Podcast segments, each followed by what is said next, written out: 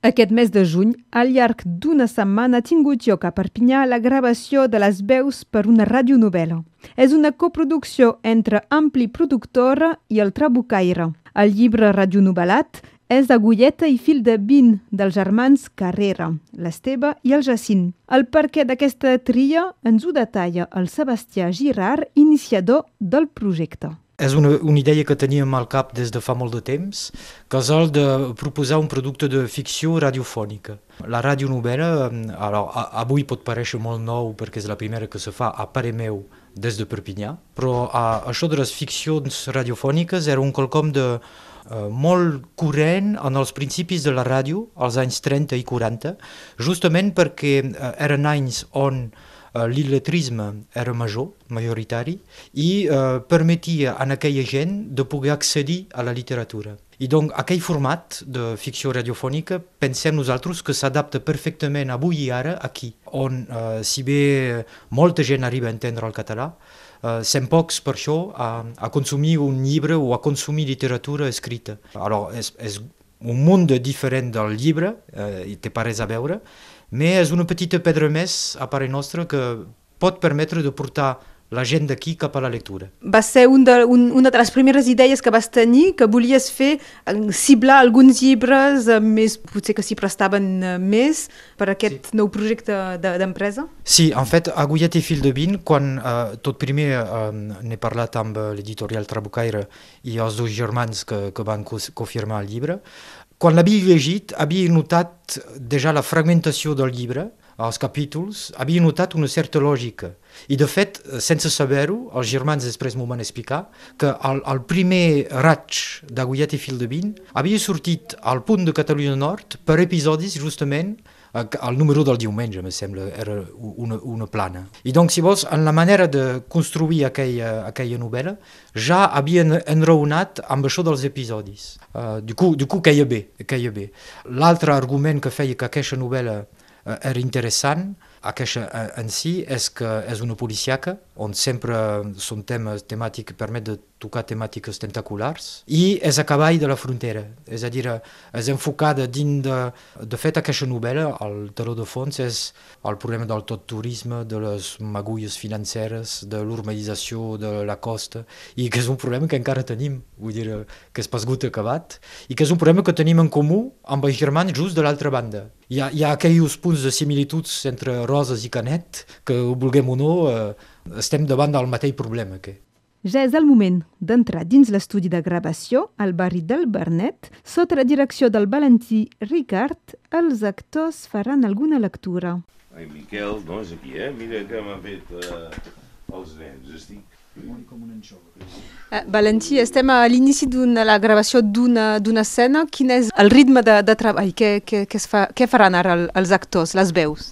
Uh, doncs els actors ara gravaran una escena que he escollit, doncs en fem tres cada matí i tres a la tarda, més o menys. És una mitjana perquè després depèn de, de les disponibilitats de cadascú i això ho fem durant una setmana. I ara el que fan és que són plantejats davant del micro, tenen el text sobre un, un pupitre i intenten posar el to, o sigui que fan l'interpretació com una mena de lectura o en italià al teatre es diu, és a dir, que fan com si estaven sobre l'escenari o, so, o sobre un, un lloc de rodatge, com si estaven fent la pel·lícula, però això ho fan davant d'un micro, sense poder moure, perquè només han de donar el to amb la veu.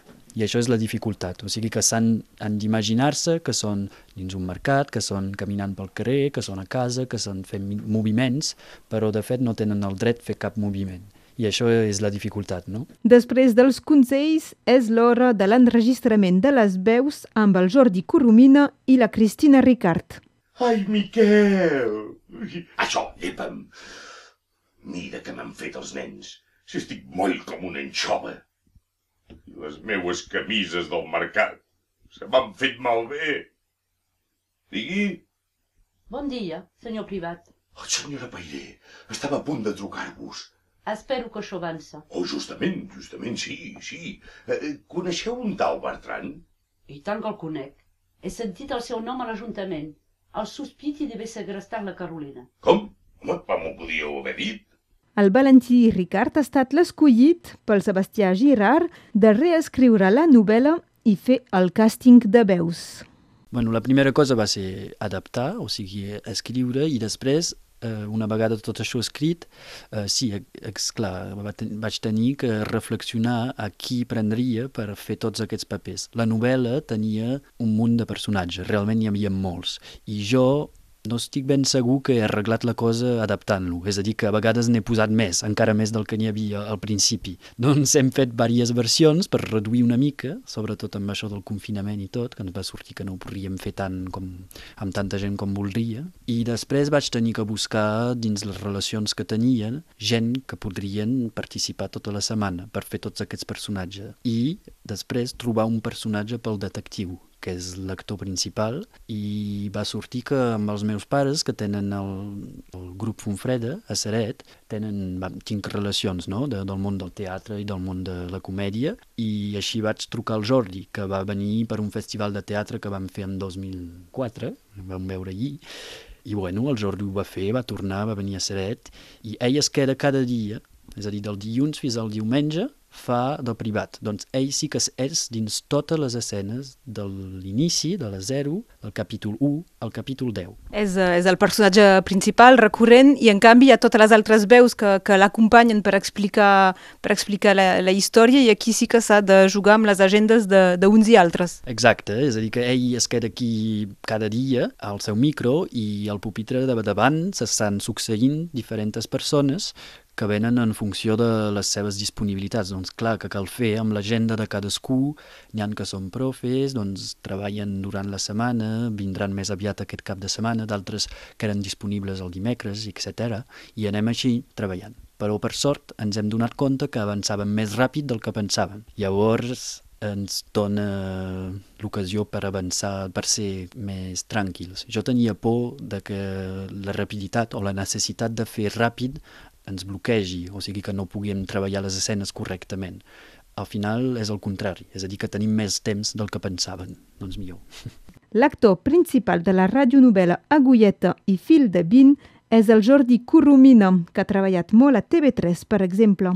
Ens explica com ha reaccionat quan li han proposat aquest rol. Uh, encantat de la vida, perquè el tema de, del teatre radiofònic eh, és una de les coses més boniques que es feien ja antigament perquè això, mm, i està molt bé doncs, que hagi sortit aquesta possibilitat, que, que es torni a executar un, un tema així, que s'adapti una novel·la a través de la ràdio, perquè mm, això dona un punt d'imaginació per l'espectador espectacular, perquè no et veuen, només t'estan escoltant.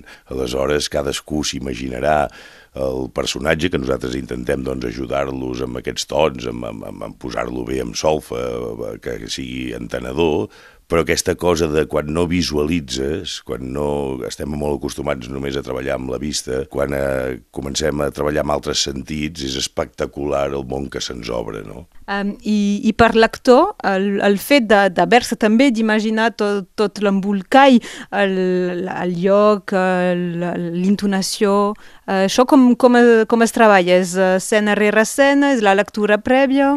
Sí, evidentment, doncs has de fer una lectura prèvia, entendre una mica i aportar a partir d'aquí doncs, a tots els tocs teatrals que li puguis donar. Jo vinc del món del teatre de tota la vida, d'alguna manera doncs, eh, és, és un joc que et permet divertir-te molt, eh, poder posar eh, tons d'inflexió potser diferents dels que posaríem doncs, a dalt d'un escenari, però que és, és, és molt, molt interessant i molt divertit. L'altra veu recurrent és del nord, la del Gerard Jaquet, que fa de narrador.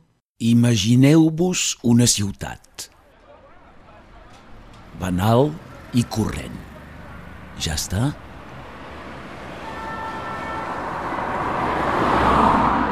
Ara, en aquesta ciutat, figureu-vos un barri on els carrers tenen nums de peixos i un, a l'estiu, els vells encara prenen la fresca tot tocant la guitarra. Un barri anacrònic que no deixa ningú indiferent, tant per la seva pobresa que per la seva innocència. Aquí, la gent parla català sense saber-ho i la mainada encara juga pels carrers, malgrat que les cases s'aguantin per un fil. Ho teniu? Mit aquí al barri Sant Jaume, a Perpinyà. És aquí, al número 6 del carrer de l'Anguila, que comença la nostra aventura. Veieu, darrere d'aquest petit pou, hi trobareu una plaça de marbre fals, on sabeu encara una inscripció feta amb lletres d'or barato. Marcel Privat, detectiu independent. Què hi fa un detectiu aquí? Després de les veus es necessita acabar el muntatge amb tots els efectes sonors. El Sebastià Girard preveu que sigui acabat a la fi de l'estiu i ens explica ara com finalment es podrà escoltar aquesta radionovel·la. Llavors, eh, tenim encara diverses opcions per assegurar la difusió d'això. La primera, eh, ja, ja sabeu que des que la difusió de les informacions no pertany més als mitjans, eh, hi, ha, hi ha manera, tothom pot difusar. Uh, L'idea primera és de uh, fabricar un podcast que la gent pugui consultar en línia o bé baixar directament, descarregar. Al moment de finançar aquella ficció, uh, sempre li dic a, en Valentí, a qui he confiat la, la, la reescriptura i la direcció, que és, és típic d'un projecte que si no fas el debut d'una empresa no el fas pas mai perquè, perquè per ara encara estem pas agafats pel pragmatisme d'haver d'entrar diners per menjar, per ara, i doncs uh, l'he volgut llançar directament perquè sabia que seria més complicat si no més tard, i que de totes maneres l'objectiu de l'empresa i amb aquell projecte era de portar un quelcom nou que s'hagi pas mai fet i de demostrar finalment que se podia fer. Fins aquí aquest reportatge sobre la gravació de les veus de la radionovel·la Agulleta i Fil de Vin dels germans Carrera que s'ha fet en coproducció entre Ampli Productora i El Trabucaire.